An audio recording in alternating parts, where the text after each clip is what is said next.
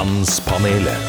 Bra. Det er fredag, den siste arbeidsuka Nei, den siste arbeidsdagen i en vanlig arbeidsuke. Og nå er vi da igjen i mai måned, der disse litt uforutsette fridagene kommer som perler på en snor. Hver eneste mai så er det Hæ? Er det fri andre pinsedag? Hæ?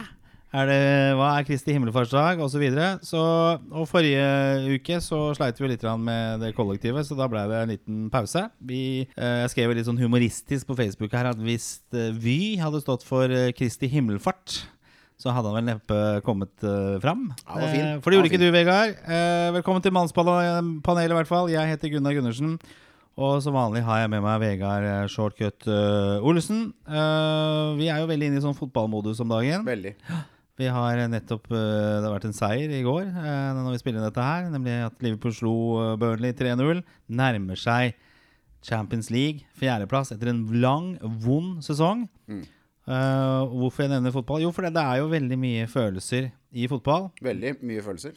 Uh, Det er en veldig paradoksal uh, arena. Og et fint studie av mannen. Altså Her har vi alt fra fra bilder av fulle engelskmenn med horn eller sånne ridderdrakter som står nede i Tyskland under VM og roper 'Who won the war?' til folk eh, som står da De samme menneskene som står og klemmer hverandre i, i mannsgrupper og gråtende, syngende til homsegruppa Queen, eh, 'We Are The Champion', uh, i gitte anledninger. Så det er liksom et stort spenn. Jeg syns hele galleriet av dette, dette Muppet Show-dyret mannen uh, kommer veldig godt til syne eh, på en fotballarena. Ja, for, for det er et paradoks der, sånn, for at menn blir jo Jeg har i hvert fall blitt kritisert for fotballinteressen eh, mange ganger. Det er sånn der jeg Må du gå og se den kampen der? Eller må du se den kampen? Men altså, jeg har sagt at men det er jo så mye følelser. Altså, En ting blir liksom vi menn kritisert for ikke å ha følelser. Men inni fotball så er det alle de vanskelige tankene. Det er varmefølelser, kjærlighet, vi reflekterer, det er håp, eh, tro, eh, samhold. Eh, det, er, det er så mye som er viktig innenfor følelsesregisteret, som vi får ut i fotball. Jeg har snakka om det tidligere også, at vi menn har jo følelser og tanker og indre demoner som vi kjemper med. Men at det ofte kommer ut på en litt annen måte. Og for mange av oss, da, hvert fall som er fotballinteresserte, så kommer jo definitivt følelsesregisteret ut når det kommer til fotball. Ja, og så hadde jeg tenker hadde vært lettere for oss å, å vært like hengivet overfor Melodi Grand Prix. Ja, jeg så at Du var ikke så veldig imponert over Melodi Grand Prix. her sånn. Du la ut en post her med, med litt kritikk av eh, Ja, altså, jeg- semifinalen som gikk her om dagen. Jeg blir ofte arrestert på disse tingene når jeg skriver f.eks. at Melodi Grand Prix er for musikk det boerne var for Sør-Afrika. Eh, verden er et bedre sted uten. Og det, da kommer jo, da smeller det tilbake på shortcut og poprapper og VG-lista Topp 20, A1 eh, og alt dette her. Og det, eh, det er jo så skivebom som man får det. Fordi jeg mener jo ikke at MGB-sirkuset ikke er fabelaktig, for det står til terningkast seks. Det er kanskje det, den største og kuleste happeningen og TV-produksjonen i verden hvert eneste år. Så, så, så, men det er bare musikken som er så begredelig, og den har mistet fotfeste i det som var Melodi Grand Prix. Det er det Ja, jeg men det er prøver å alltid blitt kritisert for å være dritt, da. Herregud. Altså, jo, det men intensjonen. Ja. intensjonen var jo det her at vi skulle ha en, en arena, en kunstarena, hvor hele Europa skulle komme til torgs med sine særegenheter og sin autentisitet. ikke sant? Synge på sitt eget språk. Det var påbudt i starten. At man skulle liksom feire freden og ulikhetene gjennom musikk. Og så har det liksom Og det er en låtskriverkonkurranse i utgangspunktet, så det er låtskriverne som vinner, ikke artistene. i utgangspunktet. Nå er jo alt borte. Og isteden så ha, og, de har ikke klart å skape en arena som er tung nok til at de virkelig store eh, aktørene, verken på låtskriversiden eller artistsiden Johnny Logan. melder seg på. Fuck da, han står og spiller på en pub på, nede på Grønland når han er i Norge. Det er, det er liksom, Vi er der. Og, da, og, det, og det er også eh, um, toneangivende for alle de andre låtene som, som meldes på. Eller ikke alle, da, men stort sett så mange at det er en tendens, i hvert fall. Det ligner på noe som er bra. Det ligner på noe som er kjent. Det ligner på Lady Gaga, det ligner på Westlife, det ligner på noe annet. Og det, og, og for nett, men det er ikke bra nok. Det er ikke like bra. Det er litt sånn karaokeversjoner av alt. Da. du Og jeg som skjønner mann ikke hvorfor ikke folk skjønner at dette er noe Ja, men drit. Føler du at du, ikke, at du som mann ikke kan stå for dette? her? Går det litt på mannlighet? Nei, altså det at det har blitt et homseshow også, det er jo Det er jo Syns jeg Jeg skjønner det. Fordi at det er så spektakulært og så bra. Det er flammer og ballonger og alt det som man sånn stereotypt kaster de homofiles vei. Ikke sant? Og som veldig mange homofile homofile står og tar imot og sånn. At det, det showet der eh, Jeg har ikke noe problem med det. Altså Som sagt, vi sitter og ser fotball og synger We Are The Champions, og du blir ikke mer homo enn Freddie Mercury. Så her er det liksom Man skyter seg i beinet uansett hvis man skal være hard noe sted. Og jeg syns ikke det er noe det, jeg, jeg er ikke sånn Jeg føler ikke at det, Melodi Grand Prix som eh, konsept er noe jeg må ta avstand fra, eller noe som er litt, sånn, litt anstrengt for meg å Men du ser jo tydeligvis på det, da. Når du, du, er- liksom, Jeg- det er jeg- sånn, du jeg- skal se på det for å irritere deg. over- Nei, ja, jeg, det, må høres ut som en sånn bitter gammel fyr som sier ja, at vi alt er var i mye ferd bedre med å før. bli bitre. Ja, men altså, her er det mer snakk om For at jeg har, jeg har jo jobbet på TV med store, grandiose arrangementer i så mange år at jeg har litt interesse av å overvære disse begivenhetene for å se de. For å være oppdatert og for å liksom Og jeg gleder meg over masse andre, mange andre aspekter ved MGP. Helt til de begynner å synge. Og da har jeg lyst til å stikke høl i øra mine med strikkepinner. Sånn at jeg slipper å høre lyd før jeg spasner. Jeg skal ikke si hva jeg tenkte når jeg hørte uh, Hots for you første gang, Ja, men det Nei, du har så ACDC-kopp, så jeg skjønner den. Jeg, vi, vi legger det Men hvis uh, Jeg vet ikke hvem som har ansvaret for uh, disse MGP-låtene i Norge. Er det Jan Fredrik Karlsen? Er det det? Nei, det er ikke. Nei, det Hvis er vel ikke den personen eller de personene hadde ringt liksom Vegard, vi trenger deg på Har du lyst til å være med på norske Melodi Grand Prix? Altså, lage en litt sånn kul greie. Shortcut er tilbake. Hadde du sagt nei?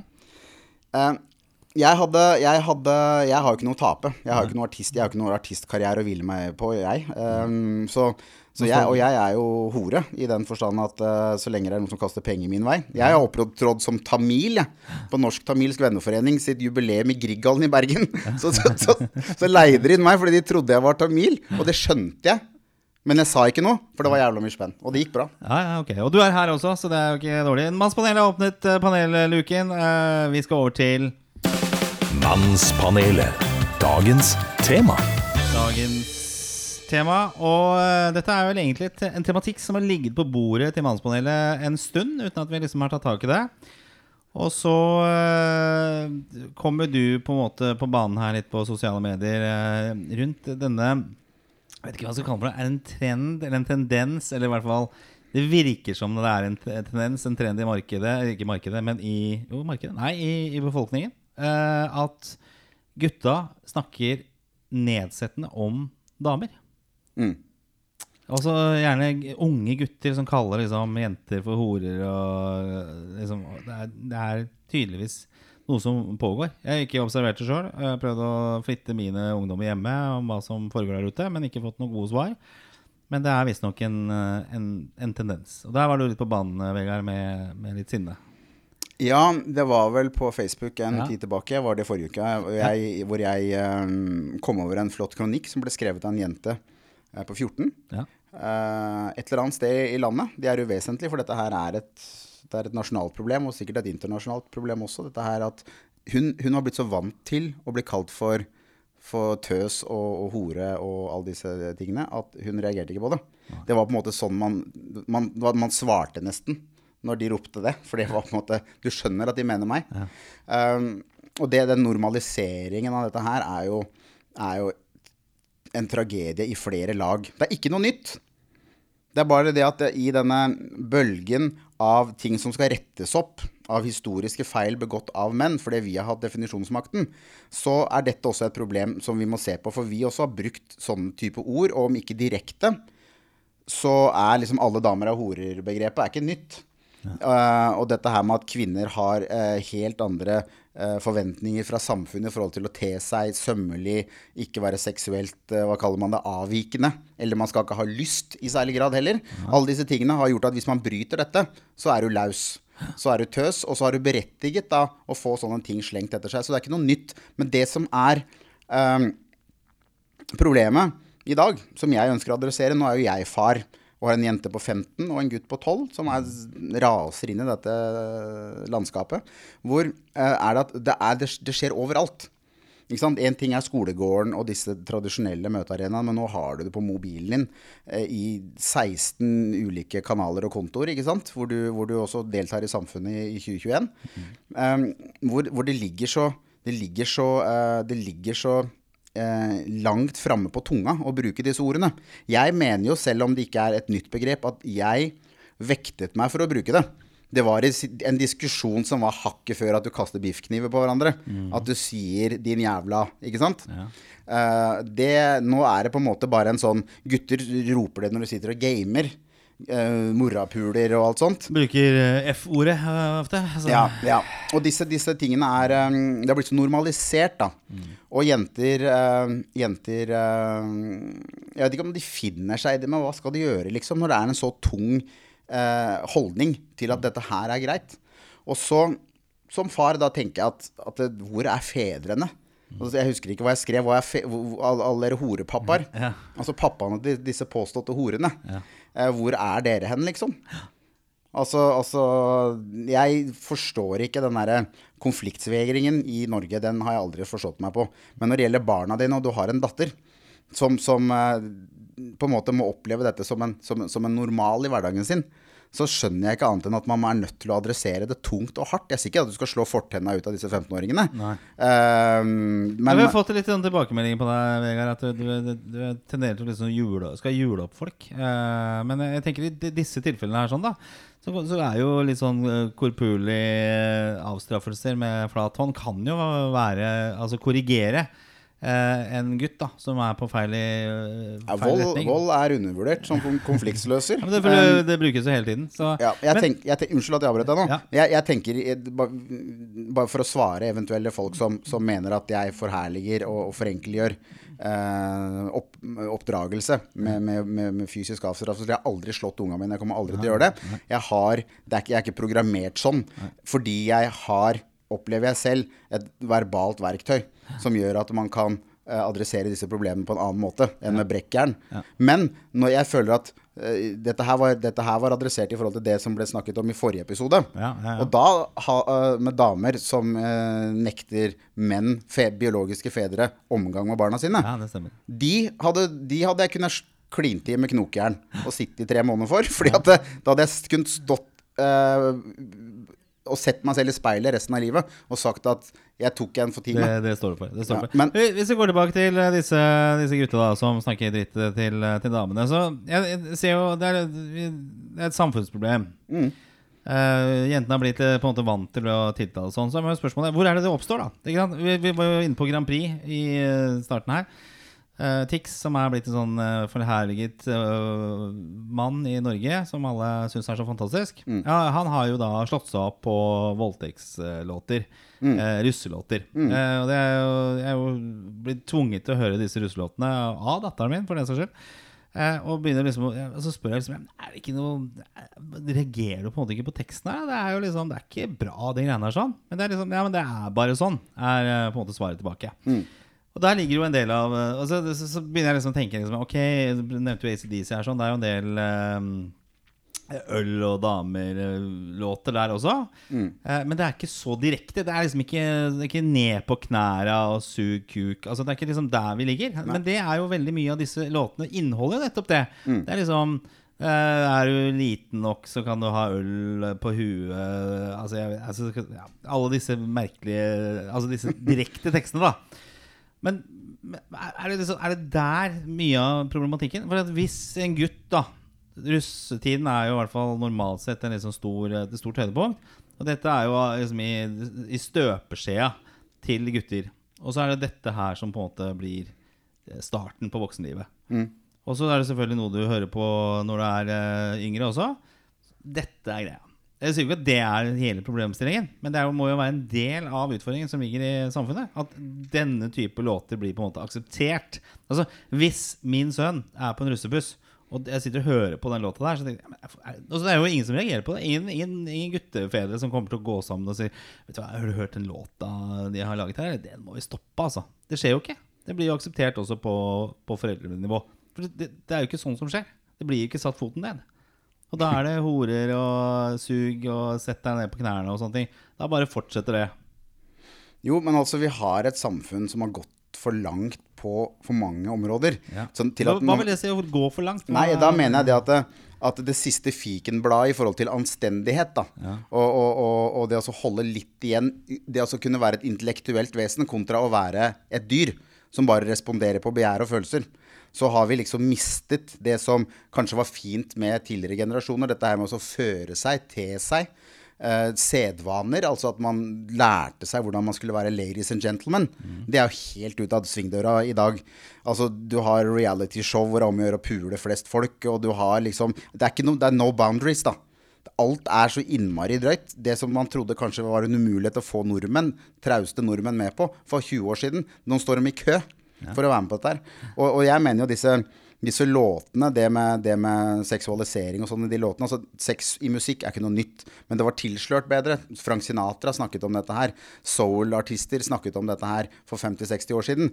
Men man må høre litt etter. Rolling Stones snakket om dette her. Og, og selvfølgelig snakket Rolling Stones om dette her, men hør på tekstene, da. Det er, det er litt finesse i det. Det er ikke 'sug meg tom', liksom. Og, og, og, og liksom, låtene er dårlige, det er dårlige tekster, det er dårlig, alt er dårlig på disse låtene, bortsett fra at det er kult å spille dem høyt. Og det er liksom det, det, det triste er ikke det. Det triste er at vi har blitt så avslepne i forhold til moral at vi bare sitter som, som du sier nå, da, når du adresserer dine barn eller andre, at ja, sånn er det jo. Det er sånn det er, det er, sånn det Ja, er det er for mye som blir Ja, men det er jo sånn. Ja, Og da er spørsmålet hvordan blir det sånn? Ja, det Og jo... i så fall, hvordan skal det ikke bli sånn? Nei, altså For å ta akkurat dette her med musikken, da. Mm. Så mener jeg jo det at problemet ligger jo litt i hvem er det som er grensesetterne. Det er vi voksne. Vi, må, vi må ta av oss baseballcapen og, og de kule skoa våre for å se ut som sønnen vår. Og så må vi være foreldre og være de kjipe grensesetterne og si at nå holder det. Det gjør vi ikke. Vi sitter og nynner med. Ikke sant? Vi er på det allsang på grensen og står og nynner etter katastrofelåter med barnet vårt på skuldra. Når han snakker om ting som er, det er 18-årsgrense på. Det er liksom ingen som tenker. Og så er det den foreldregenerasjonen som ikke våger å gå i konflikt med barna sine. Som ikke våger å være den derre nå, nå må du vente til pappa kommer hjem. Den, den setningen er jo ikke noe vits i å si i dag, fordi at folk blir jo ikke redd. Er jo ikke redd for faren sin. Det er jo ikke noe, det er ikke noe, det er ikke noe hold, Du tar deg ikke sammen engang.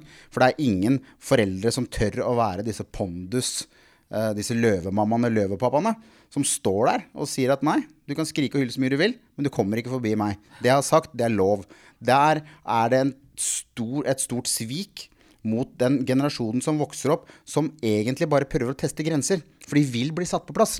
De vil at noen skal ta dem i øra og si 'det får du ikke lov å si', 'det får du ikke lov å gjøre', 'det må du ikke gjøre', sånn og sånn og sånn. Men vi gjør jo ikke det, vi. Vi sitter og klapper, vi. For vi syns dette her er så morsomt. Det er litt sånn gærent. Og så blir det litt drøyt innimellom, og så blir det litt grynting, men så går det over, for det er gøy da, ikke sant? Og fordi at vi syns det er gøy, så er vi også unge, fordi vi skjønner dem, ikke sant? Og det er ingen av oss som tør å si at fy faen, dette her er helt usmakelig. Nei. Men er det enten eller, da? For jeg tenker jo i hvert fall min, eh, mine foreldre, eller faren min spesielt, da. Han var jo en autoritær fyr. ikke sant? Han var jo ikke så opptatt av å være likt uh, av eh, meg. For han, skulle, han sett, satte grenser, og så var det mye rart. Og, altså, det var jo en, en historie i seg selv. Men i det å ta upopulære avgjørelser, det merker jo jeg sjøl også som far i dag. Det syns jeg er utrolig vanskelig. Mm. For det er stak og Og så er det det der evige jaget at alle får jo lov til å være med på alt. Det er liksom inntrykk av Og sånn som når jeg vokste opp, så var det jo ikke tilfellet. For det var sånn når vi snakker og, og comparing notes i voksen alder, så var det jo egentlig ingen som hadde det spesielt mer fritt eller strengere enn uh, de som hadde det. De er vel døde i dag.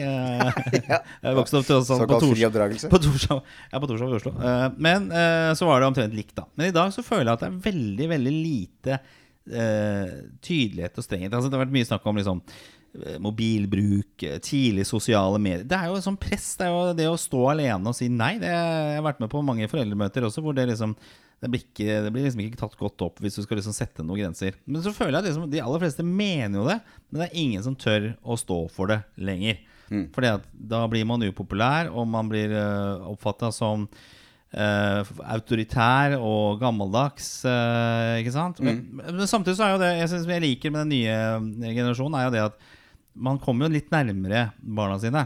Ikke sant? Du, du, jeg tror jeg har, får mye mer Eller har hatt mye mer nært forhold til mine barn på, på en del følelser og en del ting som har vært vanskelig å snakke om, som jeg har fått eh, tilgang til.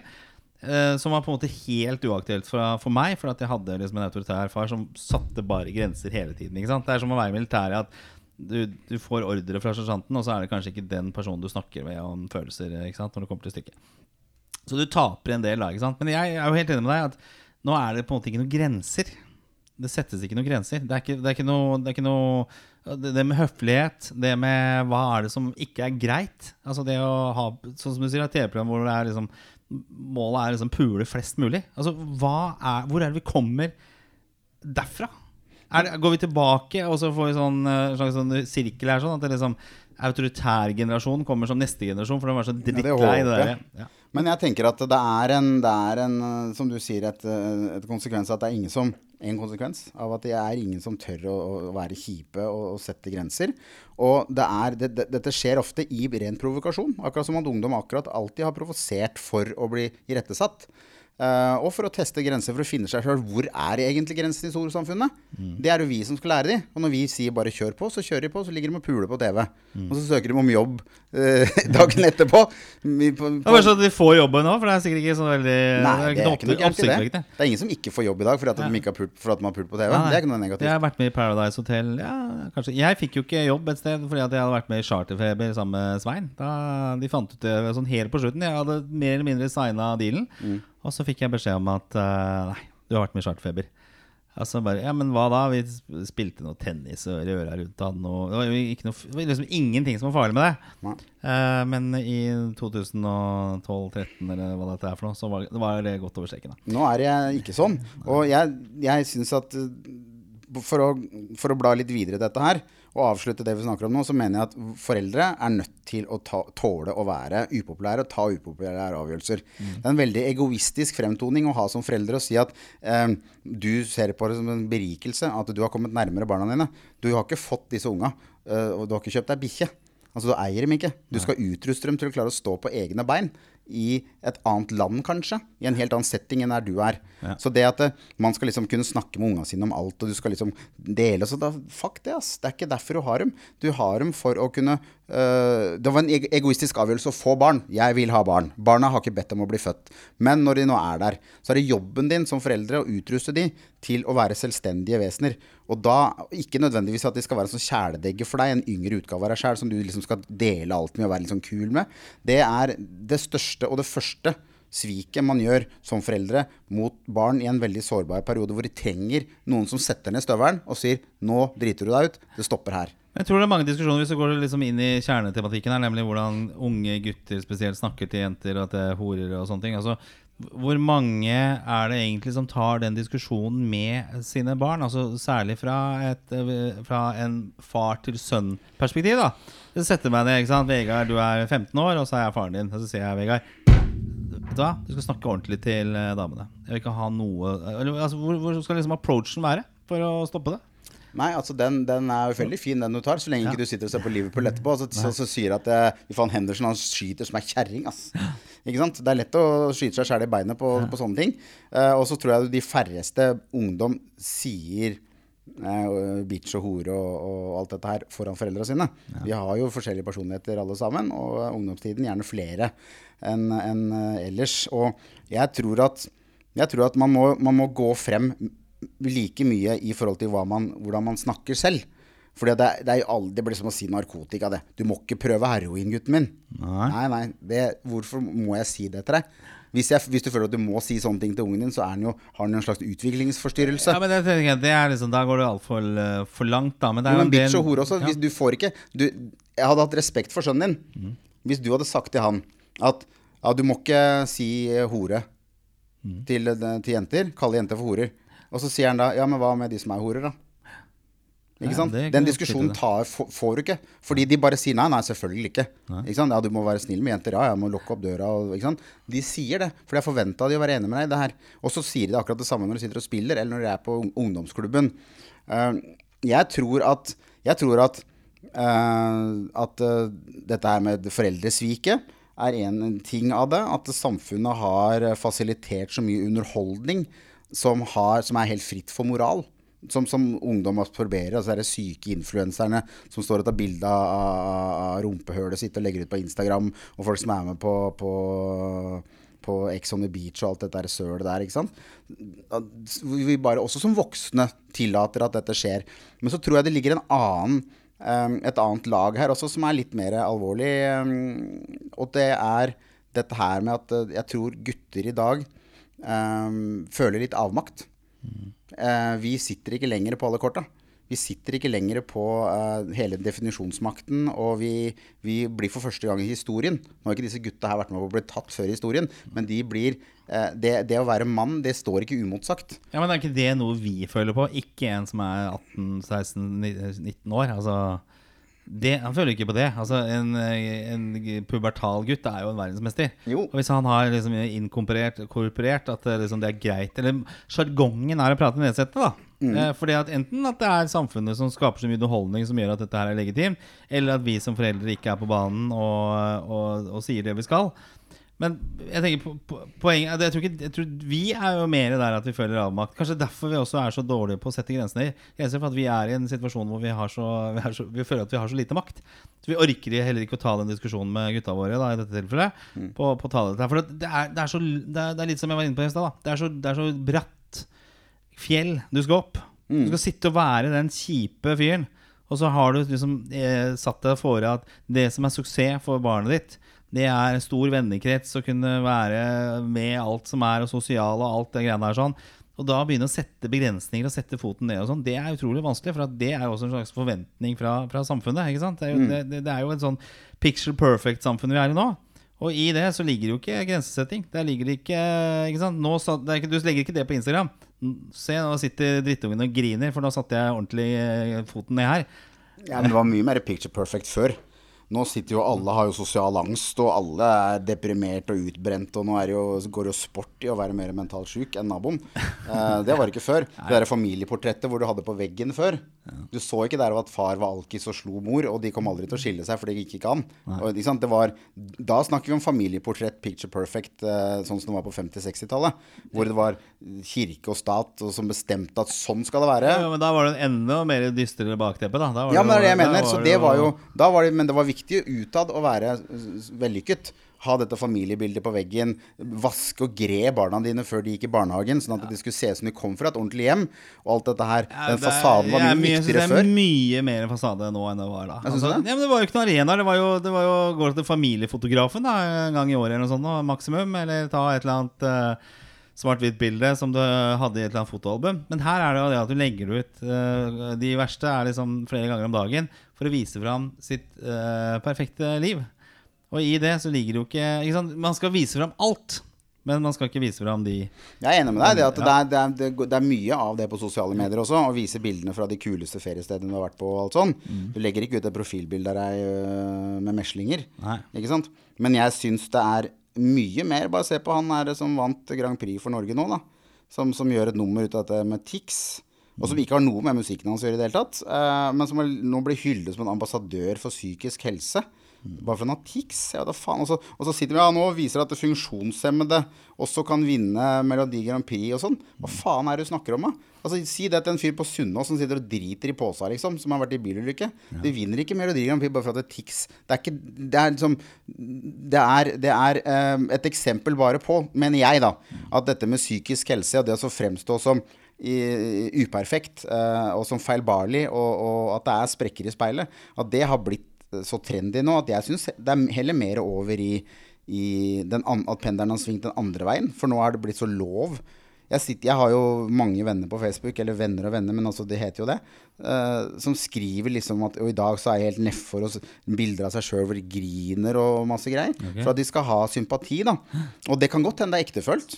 Det kan godt hende at det stemmer, og at de er tøffe å bruke sosiale medier på den måten for å kommunisere fram dette her. Men det hadde jo aldri skjedd på 60-tallet hvis sosiale medier hadde vært på 60-tallet. Tror du ikke det? Da hadde du gått og skutt deg i huet. Ferdig med det. Det er mitt problem. Jeg løser det på min måte. Jeg skal ikke være til byrde for noen. I dag så ønsker man jo å være til byrde for noen. Jo, men det er jo, ja, men jeg tenker, det, er jo, sånn- det er jo viktig å kunne være åpen med det. Jeg tror de redder mange skjebner ved å være åpen. Men det er klart at det, det er sånn Det er en balansegang, ikke sant? Det blir sånn metoo, ikke sant. Nå plutselig alle som har blitt klådd på, har blitt voldtatt. Så, uh, så, så er det, da er den, den, den, den metoo er død. Ja, men det, det er fordi at pendelen svinger for eh, mye til én side. Ikke sant? Ja, klarer ikke, mennesker klarer ikke å holde den balansen. Det, det, gjelder jo ikke, det gjelder jo alle mulige sammenhenger. Ja. Og det, det er jo også liksom hvis, du er, hvis, du, hvis du møter en person da Mm. som ikke sier noen ting om seg sjøl, er veldig lukka, det er ikke bra. Men så er det den personen du møter som, eh, hvor du putter på en femmer, så får du hele livshistoria si og alle lidelser og sånne ting. Det er jo heller ikke bra. Det er jo ikke det man ønsker. Mm. Nei. Så, så man ønsker Ja, den det er verre, syns jeg. For da blir det sånn der å rope ulv-scenario. Ja, Men hvis en person ikke i det hele tatt deler noe med deg, i det hele tatt, altså helt lukka person altså, Som mann ja. så tror jeg at det er flere menn som kommer bedre ut av Nå snakker vi uansett om to uønskede scenarioer, men jeg tror jeg som mann at det er flere menn som kommer bedre ut av å holde kjeft og løse det sjæl, enn å overshare. Fordi du blir invitert inn på en arena som du egentlig ikke sånn, sånn genetisk sett har noen forutsetning for å være på. Eh, I noe grad, ja, men i den grad som det forventes i dag. Å sitte i sånn ring eh, sånn ja, jeg tror ikke, Det er ikke genetisk å, å liksom få utløp for følelser. Altså, en mann har jo like mye utbytte av det som en, eh, som en kvinne. Men tradisjonelt så har jo ikke det skjedd. Men det er jo derfor du på selvmordsstatistikken har mye flere menn som tar selvmord også, som er, tar det for det Eller tar det uventet, da. Fordi de ikke har turt Men å du snakke om løser det. problemet sjæl. Ja, men det er ikke alle som er i stand til å løse det sjøl. Jo, du løser det sjøl ved at du tar livet av deg sjøl. Jeg har løst problemet. Jeg vil ikke leve på knea og bli fiksa på og dissekert av masse sånne, sånne øh, sosionomer. Ja, men Poenget er jo det at det er ofte så er det jo et problem som er veldig stort i hjernen til den personen som går og fikser dette problemet sjøl. Mm. Men ved å, øh, ved å snakke om det, så blir det øh, problemet mye mer marginalisert. Da, ikke sant? Det er jo det som ofte skjer. Det er jo ikke noe å fikse det å gå og ta livet sitt. Det er jo den, den dårligste utveien. Er det det? Ja, jeg tenker det. Det Jeg tenker er, det er mitt liv. Man sier det. Det er mitt liv. Det er ditt liv. Gjør hva du vil. Ja vel, jeg vil ikke leve mer. Det får du ikke lov til. Nei, det er men jeg tenker kriminell. sykdom og sånne ting. Altså når du sånn, Men de fleste fleste en- som tar livet sitt, er jo ikke vurdert som psykisk syke. Nei, men det, men det er jo flere grader av det, da. ikke sant? Altså La oss si du er et ungt menneske. Det er jo der ofte unge menn er jo de som gjør dette. Mm. Eh, og da kan du ikke, når du er 18-19-20 år, eh, si at liksom, ok, løsningen min er å ta livet av deg. For disse folka har ikke snakket om det. Og de har kanskje et problem, kanskje en jobb de ikke fikk, eller det var en, eh, en, eh, en dame som ikke vil ha en, eller et eller annet sånn små, lite problem som bygger seg opp i hjernen. Og så kan man ikke eh, snakke om det. Så Hvis du, det- er, hvis, ja. du, hvis, hvis du har fått nei til å ta med en Tinder-date på, på, på, eh, på restaurant, og du blåser huet av deg, Ja. så tenker jeg at det er et par andre ting som, som Det er, det er viktig. Så det å, det å på en måte kunne snakke om å lø, løse problemer, det, det, det tror jeg er viktig. Men hvis vi kommer tilbake til liksom poenget, da, ikke sant? Det er den, disse pendlene hele veien Og Hvis vi skal liksom da Litt sånn kjernediskusjon vi har her også. Altså gutter som snakker negativt om om damer, at det er blitt liksom en, en greie på det. Så er det sånn at ok, du får kanskje ikke helt uh, bukt med det, for det har kanskje alltid vært litt sånn. Altså Gutter skal være litt tøffe, gutter skal uh, være litt kule. Eh, men de kan ikke på en måte være liksom, eh, kristelig konfirmasjonslærer heller, for det, liksom, det ligger jo ikke der. Men det er jo liksom rydde bort sånne type ting som ikke er akseptabelt. da ikke sant? For det er jo ikke det. Altså, vi er, jo- sitter jo på begge sider av bordet. Vi har en gutt og vi har en jente.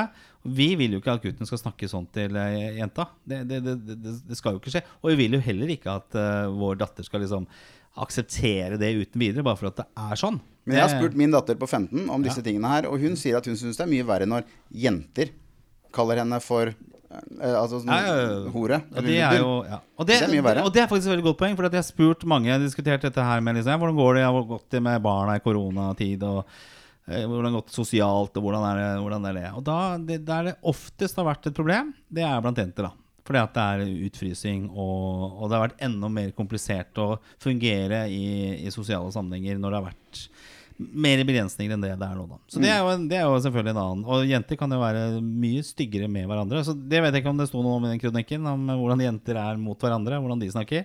Nei, altså det tror jeg ikke hun tok opp der. Eh, Det var ikke en sånn kjempelang kronikk heller.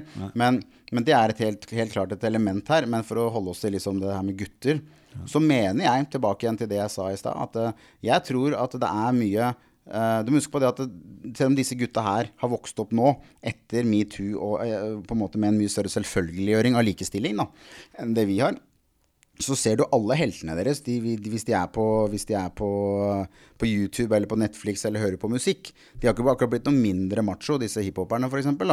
Så det er, det er fremdeles en brytning. Og når de står og hører far må stå i lua, med lua i hånda uh, og få kjeft av mor fordi at eh, han blir levert fem minutter over tida. Og så, så far fremstår som den største dotten i hele universet i forhold til de andre mannfolka som han ser på film og hører om i, i musikk. da? Hvor du, tøv, du får jo faen ikke lov til å være mann. Må, må vi gjøre det for mamma blir så sint? Sant? Fuck, det var noen som sa det på 60-tallet, eller? Da må du, nå må du nå vent til mamma kommer hjem. Det var jo ikke sånn.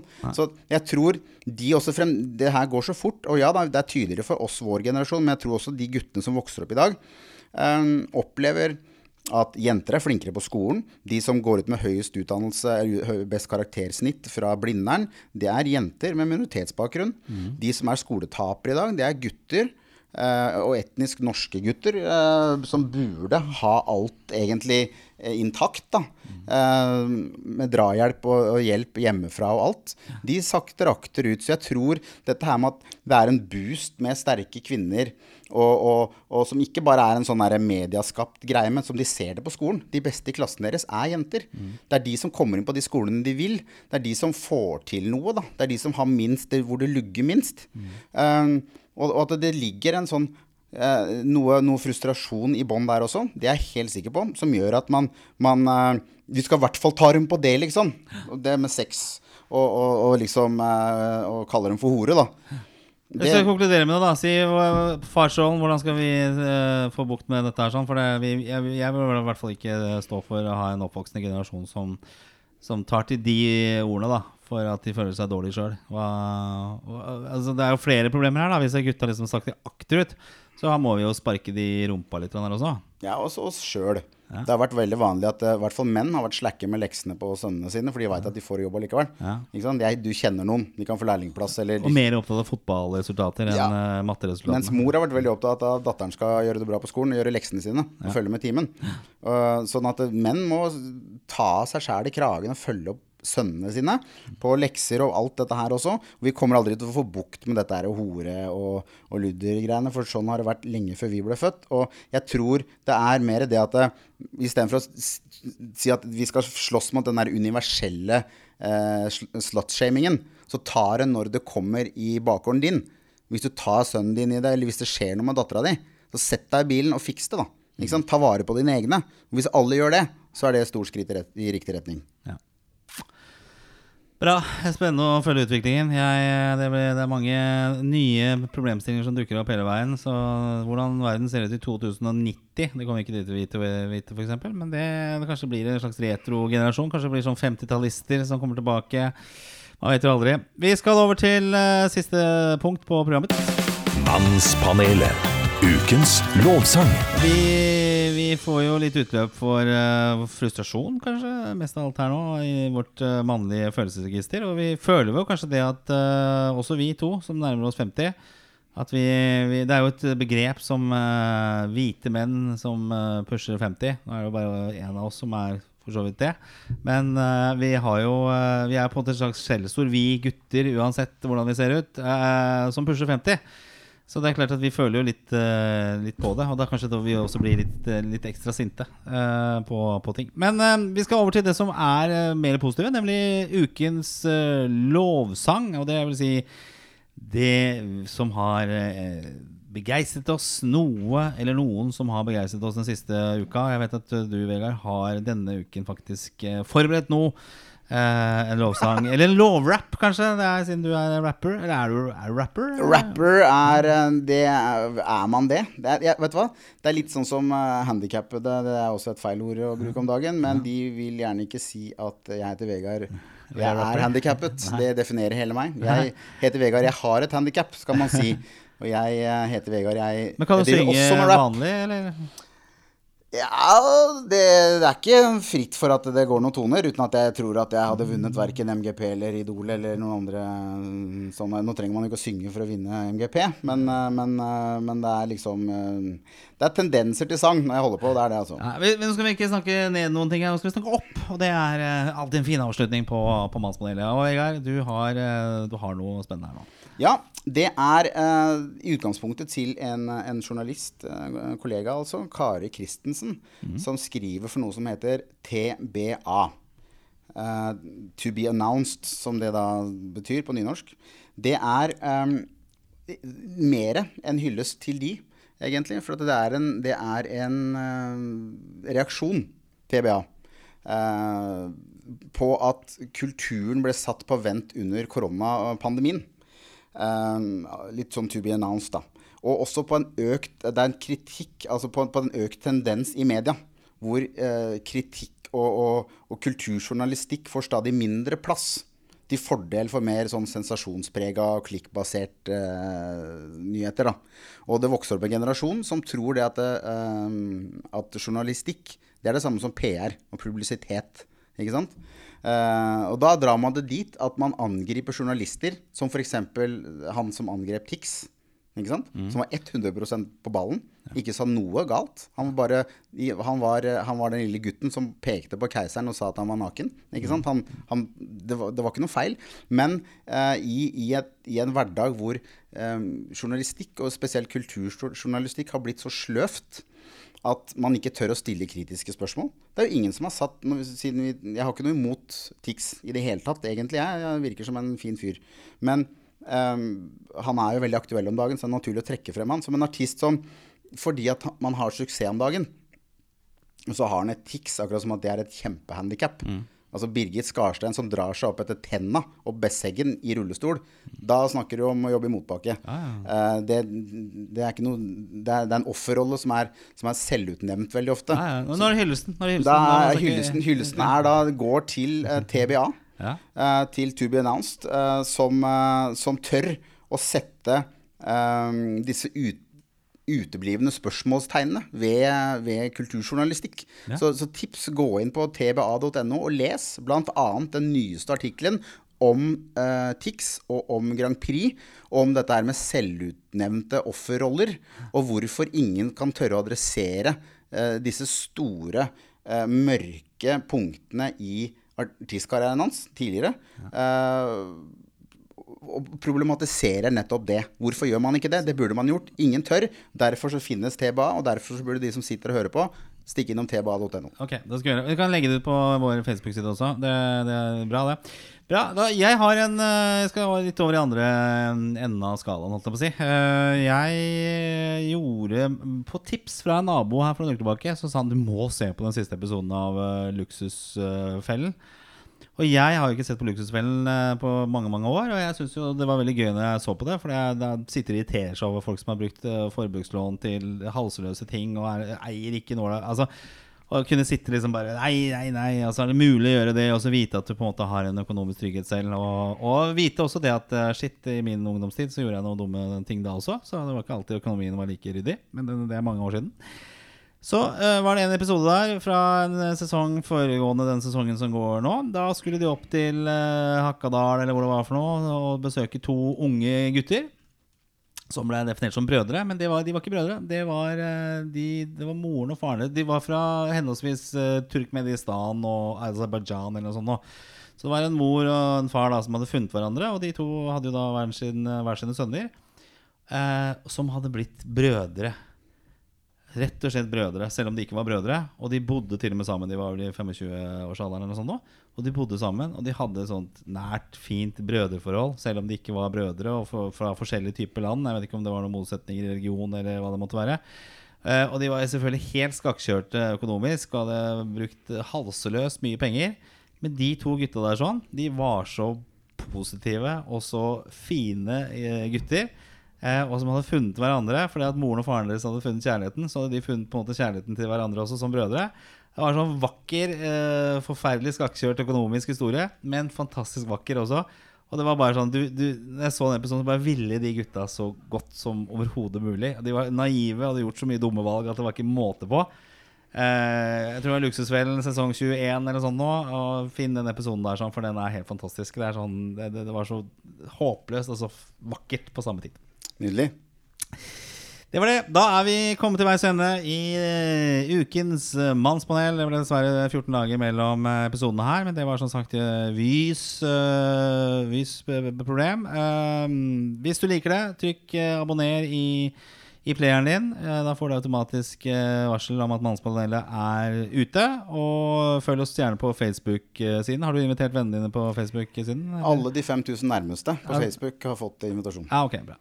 Eh, da bør du vokse litt der. Og har du spørsmål eller eh, forslag til tematikk vi bør ta opp her i Mannspanelet, så send oss en melding, eh, så, så vurderer vi det selvfølgelig. Det er gøy å få litt innspill. Og så er vi tilbake om, eh, 14, nei, om en uke. Da kan vi forhåpentligvis få at Liverpool har slått Crystal Palace i siste kampen og ta seg til Champions League. For da, da er det virkelig de gode mannlige følelsene som får utløp her. Da gråter vi. Da gråter vi. Takk skal du ha, Vegard. Ta godt vare på deg selv. Selv takk. Ja, og så høres vi gjennom om en ukes tid. Eh, ta godt vare på hverandre der ute også. Vær snille. Tudelu. Hei. Mannspanelet.